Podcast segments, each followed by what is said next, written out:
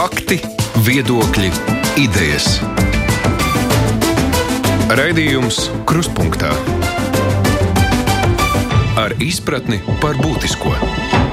Sākas kruspunktā laiks pie Latvijas radio mikrofona Arnēs Krause. Esiet sveicināti! Es to viņam vēl neesmu paguvis pavaicāt, bet man ir nojauta, ka aktieris uzņēmējs Cēzu pašvaldības deputāts un Dailas teātra direktors Juris Žagaras gluži vai skaita dienas līdz 3. augustam. Pēc ilgāka pārtraukuma Dailas teātra lielā zāle atkal gaidīja savus uzticamos skatītājus. Augustā Dailē būs vesela virkne pirmizrādes, un beidzot savu izrādi sagaidīs arī Smilģis, Māra Zālītis un Viestura Kairiša. Kopdarbs, kuram bija jānonāk uz skatuves jau pirms gada. Tikmēr mēs kruspunktā lielajā intervijā esam sagaidījuši Juri Žagaru. Esiet sveicināti! Sveiki! Labdien! Raugoties eh, teātra mājaslapā uz eh, repertuāra sarakstu, tā nosacīti ir tā gaisma tuneļa galā, kuru tik ilgi gaidīja gan Dēls teātris ļaudis, gan jūsu teātris uzticamies skatītāji. Beidzot, ir publicēts repertuārs, ir iespēja izvēlēties izrādes, virkne pirmizrādes, var nopirkt biļetes. Gaisma tuneļa galā ir tajā brīdī, kad biļetes pērk. Nevis tajā brīdī, kad tu izziņo repertuāru, nevis tajā brīdī, kad tu kaut ko apsoli, ka ja būs tā, tad būs tā. Bet tajā brīdī, kad cilvēks sāk pirkt biļetes, tas nozīmē, ka viņš tic, ka izrāde notiks. Un tā ir reāla gaisma tuneļa galā. Man liekas, tas veicinošais faktors ir tas, ka mm, valdība skaidri un gaiši paziņoja, ka tad, kad būs nākamais vilnis un pilnīgi skaidrs, ka rudenī viņš būs, tad uh, turpmākie ierobežojumi varētu tikt pastiprināti un tie varētu attiekties uz nevakcinētām personām. Bet attiecībā uz uh, vakcinētām un izslimojušām personām um, ierobežojumu atcelšana notiks vai paliks tādā pašā līmenī kā tagad. Tas nozīmē, ka cilvēki tam tic, un cilvēki pērk biļetes, un viss atkal var notikt. Jā, tā ir reāla gaisma tuneļa galā, un es nespēju iedomāties scenāriju, kurā mums būtu jāatgriežas iepriekšējā situācijā. Jūs pirms sarunas minējāt, ka jūs šorīt vēl palūkojāties, kā pildās biļešu tirzniecība. Nu, es arī šobrīd skatos Dēls teātris mājaslapā uz lielo ilgaidīto notikumu uz smilģa pirmizrādi vēl dažas biļetes ir, bet nu, tūlīt, tūlīt tur būs izpirkts. Bet es tā ļoti aptuveni raugoties, nu, 60-70% pagaidām ir tieši. Izpirkti, ļoti precīzi mēs šodien skatījāmies, ka pēc mūsu plāna teiksim, ieskaitot oktobru, mēs esam pārdevuši jau tagad 50% no biļetēm. Tas ir labs rādītājs tik eh, lielu laiku iepriekš, un jāņem vērā vasara, jāņem vērā jūlijas, karstais laiks, atvaļinājumi.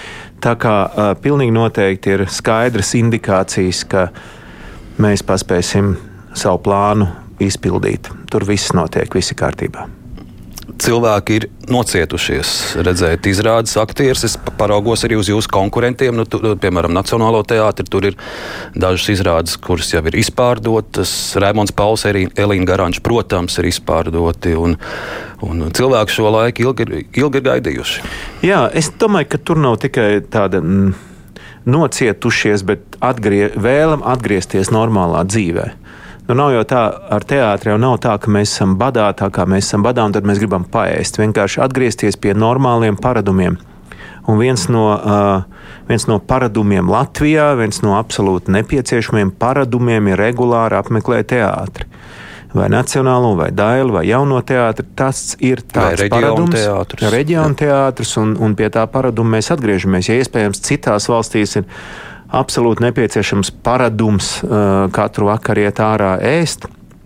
Vai, teiksim, apmeklēt futbola spēles, tad mums ir paradums um, baudīt kultūras pasākumus. Cilvēki vienkārši atgriežas pie šī paraduma. Tā kā um, es redzu, ka viss iet uz labo pusi. Nu, daži teātris eksperti arī bija diezgan uh, bažīgi, vai šis Covid laiks nemainīs šo paradumu, Nē. latviešu teātris mīlestību. Nē tas nevar, to nevar mainīt, tāpēc ka um, nu, teātrī ir tā maģija, tas ir dzīvais kontakts, un to jau ne tikai es saku, un, un cilvēks alks tieši pēc šī dzīvā kontakta, nekāds, nekāds digitālais formāts to nekad nevar aizstāvēt. Man vienmēr patīk citēt Filīnijas, jo teicis, ka m, tad, kad uh, parādījās video ēra, Un, kad teica, kino būs miris un cilvēki vairs nesēdēs kinoteātros, bet skatīsies filmas eh, pie sevis mājās, tad Filīnijā esot teicis, nē, tas nenotiks nekad, jo šis rituāls mēs visi kopā sēžam un skatāmies sapni, nekad uh, nebeigsies, un cilvēks vienmēr pēc tā alks. Un tieši šis šajā rituālā slēpjas kaut kas ārkārtīgi būtisks, ka tu sēdi kopā ar kādu plecu pie pleca un jūs kopā pārdzīvojat kaut ko. Un šī sajūta ir ārkārtīgi interesanta pat mūzikas koncertā. Tieši tas, ka tu sēdi kopā ar citiem un ka pārdzīvojums ir kopīgs un ka viņš notiek šeit un tagad, tas piedod papildus vērtību tam um, mākslas notikumam.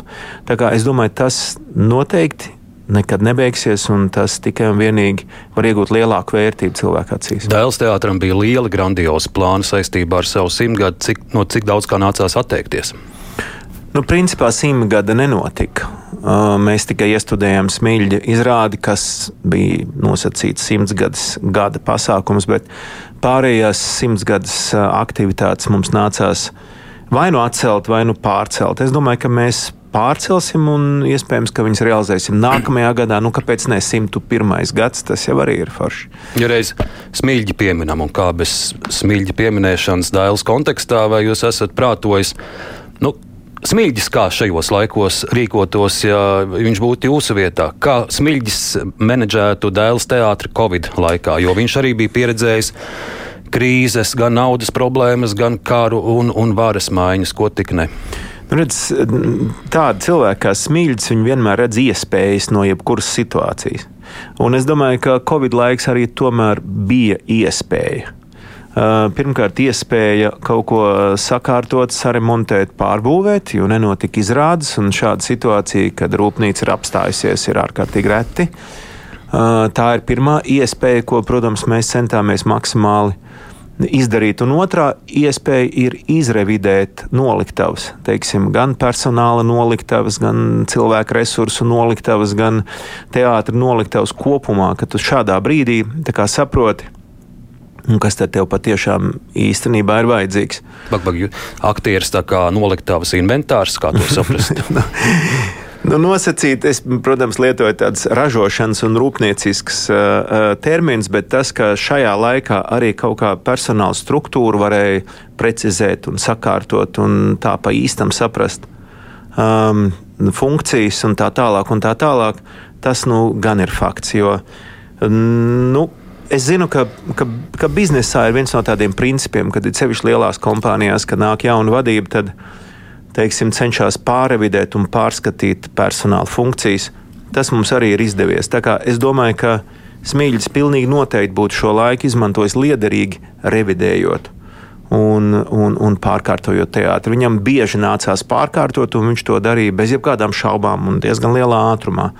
Tā kā mums šis laiks, protams, ir bijusi liela iespēja.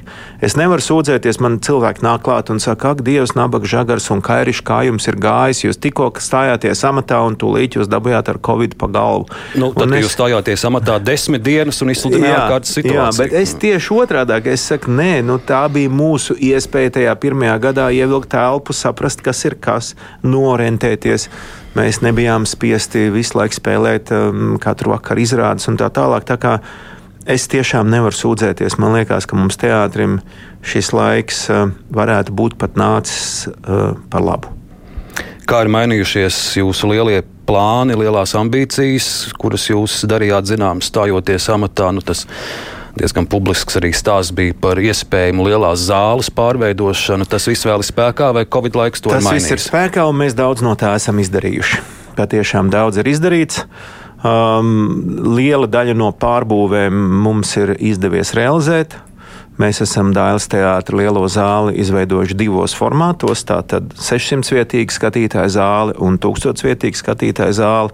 Ir jau kaut kāda siena? Kā Jā, ir uzbūvēta ir. starp siena. Protams, tā ir mobīla. Mēs varēsim izmantot Dāvidas to zāli. Ir uh, jauna apskaņošanas sistēma, kas ir ārkārtīgi svarīga, lai varētu kvalitatīvi uh, aktieri tikt apskaņot un tam līdzīgi. Un pats, pats galvenais ir uh, gatavs arhitektūras projekts mazās zāles pārbūvēi un black box zāles izbūvēi. Tātad projektēšanas darbi ir beigušies. Augustā mēs sludināsim iepirkumu un ceram pa nākamo ziemu tātad veikt atlikušās pārbūves. Es teiktu, ka šajā laikā ir ļoti daudz mums izdevies pavirzīties uz priekšu. Runājot par to noliktavas revīziju, citējot jūs, nu, publiski tas viss visspilgtāk bija redzams saistībā ar darba attiecību pārtraukšanu ar vairākiem jūsu līdzinājiem kolēģiem, aktieriem. Vai visu šo procesu varēja kaut kādā veidā darīt arī tā, lai lietas nenonāk līdz tiesai vai līdz dzeltenās preses pirmajām lapām? Es domāju, lai lietas nenonāk līdz dzeltenās preses pirmajām lapām, lietas darīt citādi nevar. Tāpēc, ka mēs esam publiskas personas un dzeltenās preses maizīte ir uh, runāt par to, ko dara publiskas personas.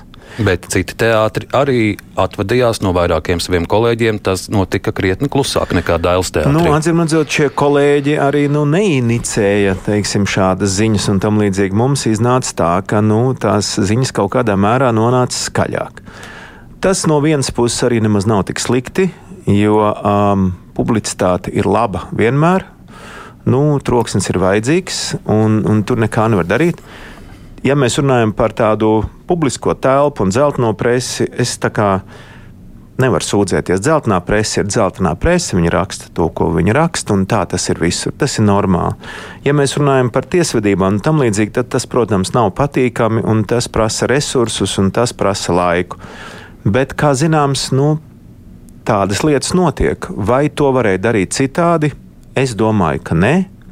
Iespējams, ka kaut kādas tīri procesuālas kļūdas mēs varbūt arī pieļāvām sākotnēji, jo mēs sākotnēji nepiesaistījām um, mm, juristus no malas. Mēs mēģinājām iztikt ar saviem resursiem. Acīm redzot, mūsu kompetences nebija pietiekams, lai mēs šo tīri procesuāli, nevis pēc būtības, bet tīri procesuāli iespējams būtu veikuši kaut kā savādāk, un tad iespējams šis process būtu ātrāks. Dārgi izmaksāja juristi, lai notikt šī tiesvedība par šķiršanos no aktieriem? Paldies Dievam, nedārgi un lētāk nekā mēs būtu piekrituši tiem nosacījumiem, ko mums uh, uzstādīja attiecīgi uh, aktieri vai teiksim, piedāvāja vienošanās variantus. Tā kā mēs šajā gadījumā finansiāli teātris neko nav zaudējis.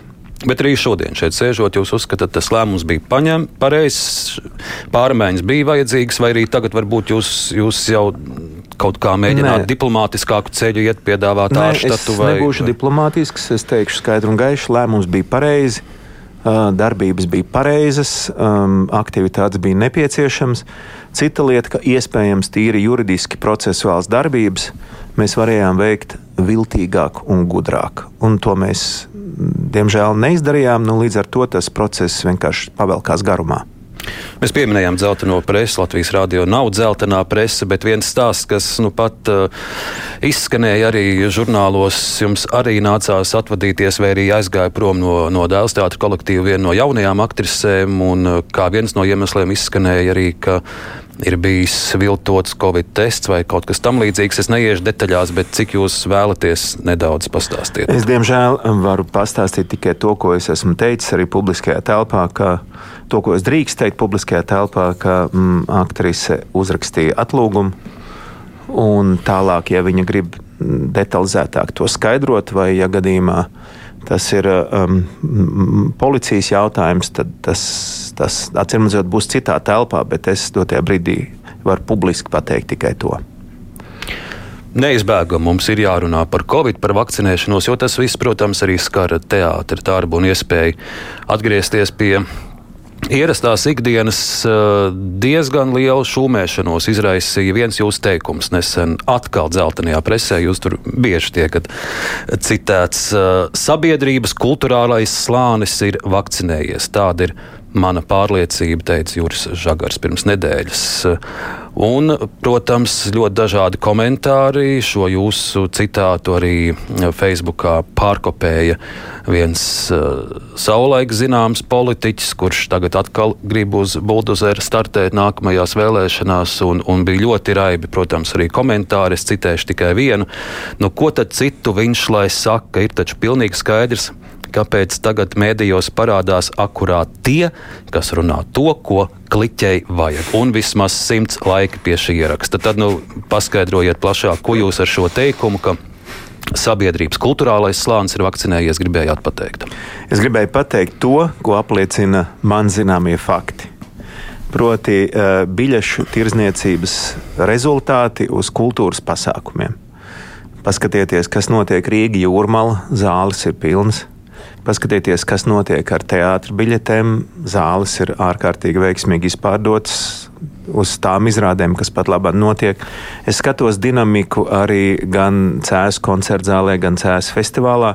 Nu, tie ir fakti. Tātad, ja tu vari nopirkt biļeti tikai tad, vai apmeklēt pasākumu tikai tad, ja tu esi vakcinējies, un ja ir pietiekams daudzums, kas šīs biļetes pērk, tas nozīmē, ka man ir pamats teikt, ka zināmā mērā sabiedrības tas slānis, ja mēs runājam par kultūrālo slāni, nevis uh, kultūrāla uzvedība, bet kultūru patērējošais slānis vai par kultūru maksāt gatavais sabiedrības slānis, nu tad tie ir fakti. Acīm redzot, viņi ir vakcinējušies. Cilvēks taču nepirks biļeti. Ja viņš nezina, ja viņš nezin, ka viņš ir vakcinējies. Nu, tā tad es runāju par faktiem. Un uh, es varbūt arī precizēšu, ka es tiešām arī šajā citātā pirms tam arī teicu, kultūru patērējošais slānis, nevis kultūrālais slānis. Kultūra patērējušais, un tas arī ir ļoti būtiski. Uh, šī nelielā starpība. Bet uh, tas, ka ir komentāri un tas, ka ir šūmēšanās, tas ir ļoti normāli un tas ir pareizi. Un tas, ka tomēr, nu, jāsaka, tuvojās parlamentu vēlēšanas, un, protams, ka tiks izmantots viss iespējamais. Tas ir normāli. Es tur neredzu nekādu tādu lielu problēmu. Cik? Kā ir ar to kliķi, kurā jūs izdabājot? Nu, jā, nu, ziniet, ir, tā, ir tādi interesanti cilvēki, kas man, kas man to teica tā ļoti asprātīgi, kad ir tādi cilvēki tipi, kas atbrauc uz jebkuru valsti, izkāp uz peronu un izkāp uz trapu, lidmašīnas trapu, un pirmais jautājums, kāda jums ir valdība, es esmu pret. Ja, un, un pie mums, protams, tas nāk no padomju laikiem. Protams, ārkārtīgi zems šis uzticēšanās līmenis vadošajai kliķei, ieliksim to pēdiņās, jo to pat nesauc par valdību, bet sauc par vadošo kliķi. Un tas tomēr ir gan no padomu laikiem tāda neliela atmiņa, gan arī no, nu, diemžēl, pēdējiem, arī neatkarības gadiem, varbūt ne pēdējiem, bet kaut kādiem pirmajiem, kur bija pilnīgi skaidrs, ka, nu, bija šī valdošā kliķe. Nu, tas ir normāli, tas tā turpināsies, un acīm redzot, tas turpināsies vēl ilgi. Es par to tā kā sevišķi nekrenķējos.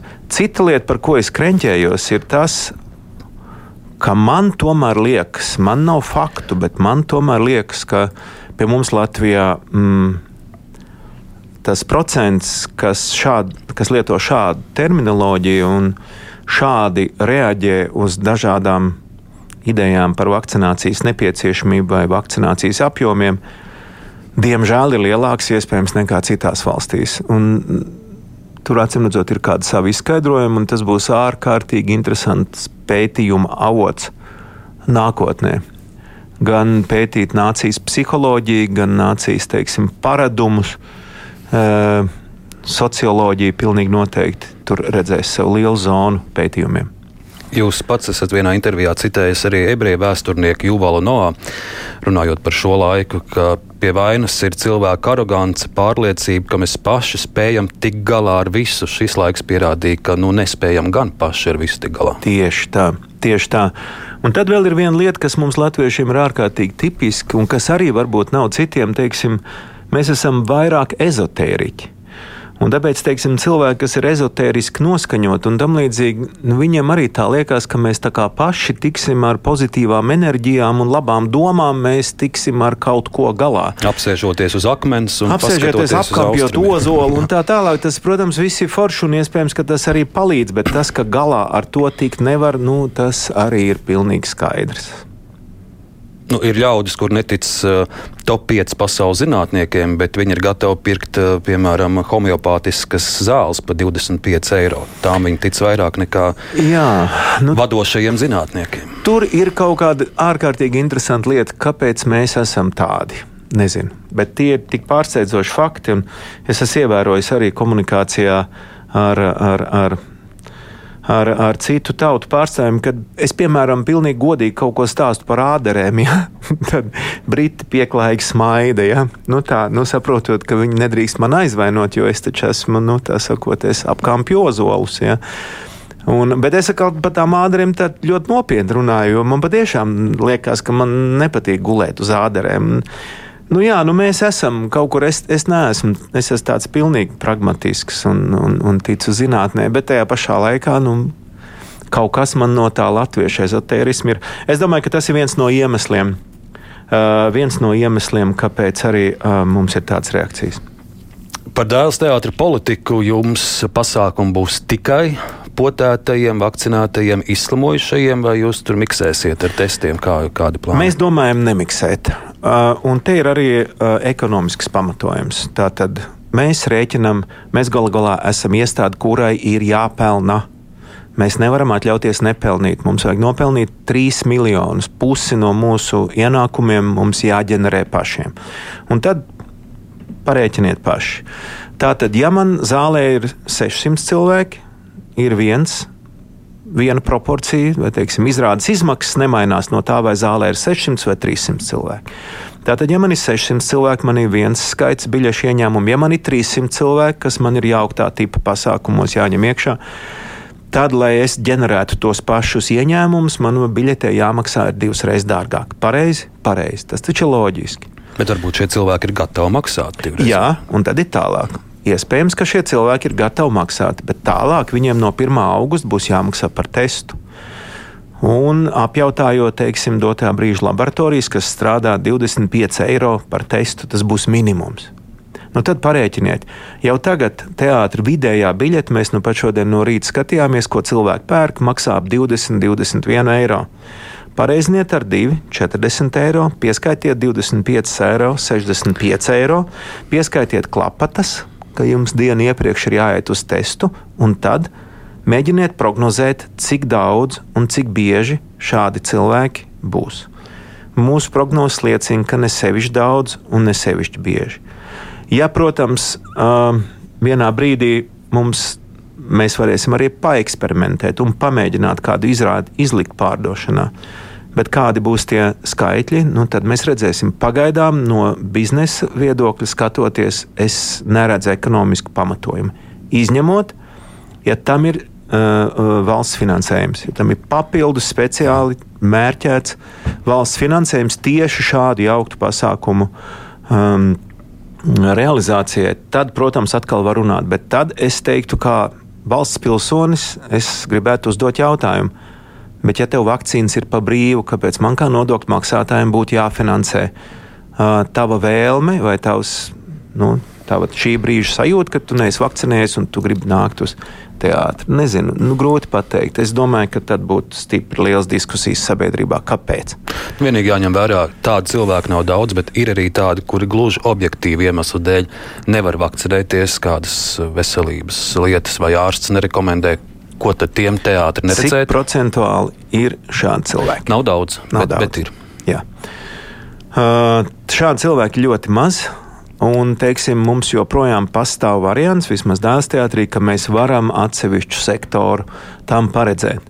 Uh, teātros, kuros ir balkoni, tur vispār nav problēma. Balkoni tu atdod uh, šādu tipu pasākumam un zāli. Tā. Mums ir grūtāk, mums ir vienota zāle, bet nav neiespējami. Tā kā, ja šāda cilvēku proporcija un viņu gatavība nākt uz teātri būs pietiekama, lai mums tas būtu ekonomiski pamatot, protams, ka mēs to darīsim. Kā ir ar tā saucamo vakcinācijas aptveri pašā dēls teātrī? Dēls teātrim man ir pamats teikt, ka vakcinācijas aptver ir simtprocentīga. Vismaz starp tiem darbiniekiem, kas patstāvīgi strādā teātrī. Aktieri, štata aktieri, visi ir vakcinēti. Štata aktieri visi vakcinējušies, tie, kas strādā, izņemot tos, kuri ir uz slimības lapu vai kas, teiksim, kaut kāda iemesla dēļ kaut kādā brīdī ir nos no repertuāra. Bet tie, kas uzkāps uz skatuves, visi ir vakcinējušies. Jums bija arī kāds jāpārliecina, bija kādas personiskas sarunas vai, vai Jā, mums notika? bija sarunas, un, un es teikšu, ka šīs sarunas bija tādas ļoti vērtīgas arī man. Jo pirmkārt, tu saproti mm, tās motivācijas, un cilvēki ļoti atklāti runā, un tu ar viņiem runājies, un tu kaut kā to saprotu. Un es pirms šīm sarunām diezgan mēģināju sagatavoties un mēģināju saprast, kas tad varētu būt tie iemesli. Un es tā diezgan brutāli šos iemeslus iedalīju tādās piecās kategorijās. Pirmais ir bailes, kas ir dabiskas bailes no vakcīnas, no, no reakcijas un tam līdzīgi. Otrais ir principi, tātad kāda jums ir valdība, es esmu pret, vai teiksim, kaut kādi citi principi, kāpēc cilvēks nevakcijās, kādi ideiski principi. Trešais ir dezinformācija. Protams, cilvēki, kas seko dezinformācijai, vai ir dezinformēti un, un tic kaut kam tam, kas nav zinātniski pierādīts. Un tālāk ir divi, uh, divu, divu, divu tipu iemesli. Pirmkārt, cilvēki, kuriem nevajag, nu, tu dzīvo ārpus sabiedrības, un tu dzīvo laukos, un tev tiešām nevajag, un tu negribi lietot visus tos pakalpojumus, ko var dabūt vakcinēti cilvēki. Un tad ir tādi, kas ir pilnīgi neinformēti. Ja? Nu, tādi iespējams arī ir, bet nu, teātrī tāda nav. Nu, līdz ar to bija jārunā par bailēm, par principiem un par dezinformāciju. Ar bailēm ir diezgan vienkārši. Mēs uh, aicinājām mediķus runāt un, un sūtījām šos cilvēkus, teiksim, parunāt ar profesionāliem mediķiem. Un, un, uh, un tur tā, tā lieta ir diezgan vienkārša. Tu to cilvēku saproti pilnīgi, un viņš man lūdz, lūdzu, ļauj man vēl divas nedēļas pagaidīt, mierīgi es pagaidīšu, un viss būs kārtībā. Tālāk ar principiāliem nav vērts runāt. Jo, nu, ja cilvēkam ir principiāli pārliecība, nu, ko tu viņu pārliecinās, nav jēgas tērēt laiku. Bet, paldies Dievam, mums šāds cilvēks bija tikai viens, un viņš nestrādā skatos zonā, tātad darbnīcās, un mēs varējām viņam nodrošināt pilnīgu atsevišķu darbu.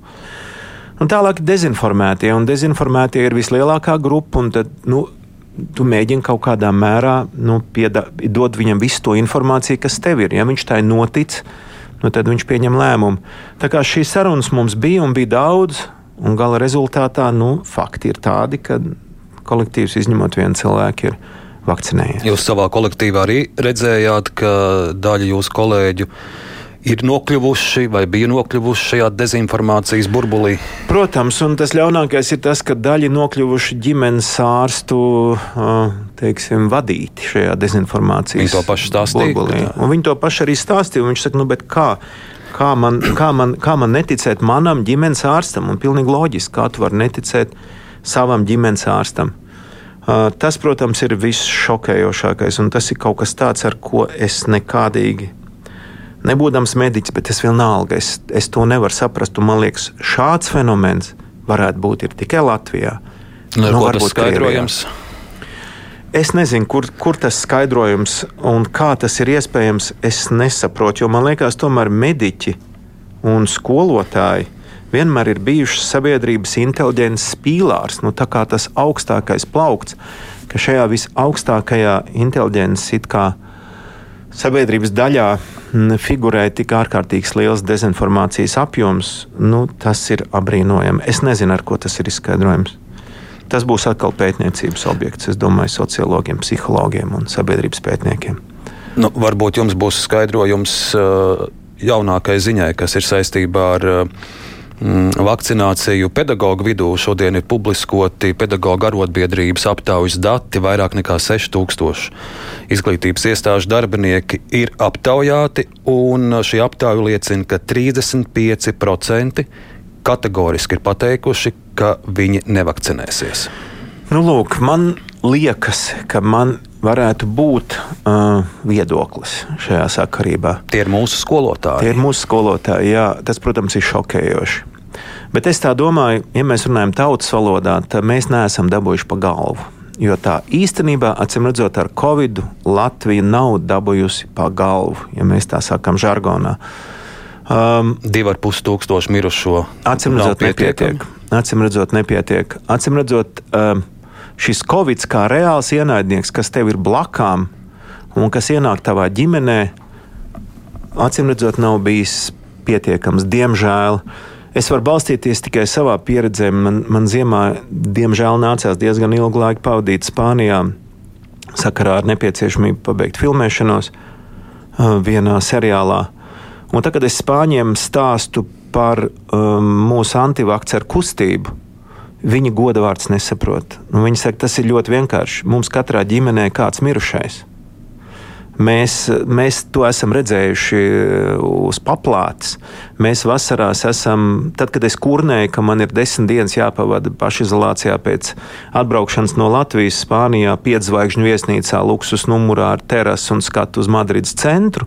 Un, kad es pukstēju un kurnēju un skaitīju dienas, kad tas beigsies, tad spāņi man teica, ja tu būtu pavadījis trīs mēnešus, 25 km pārkarsušā istabā Madrides vidū bez tiesībām iziet ārā, izņemot aiziet līdz aptiekai vai supermarketam. Nekas jau tur. Nekas, jā, tad tu vispār nečīkstētu. Tā kā viņi ir ostījuši pulveri, un līdz ar to viņiem tā situācija un attieksme pret vakcīnām ir cita. Bet paliekam vēl pie tiem mūsu pedagogiem. Katrs trešais faktiski saka, ka nevakcinēsies. Nu, kas, kas tad rudenī notiks ar, ar, ar, ar mācībām, ar atgriež, bērnu atgriešanos klasē? Es domāju, ka vienīgais ceļš tomēr ir.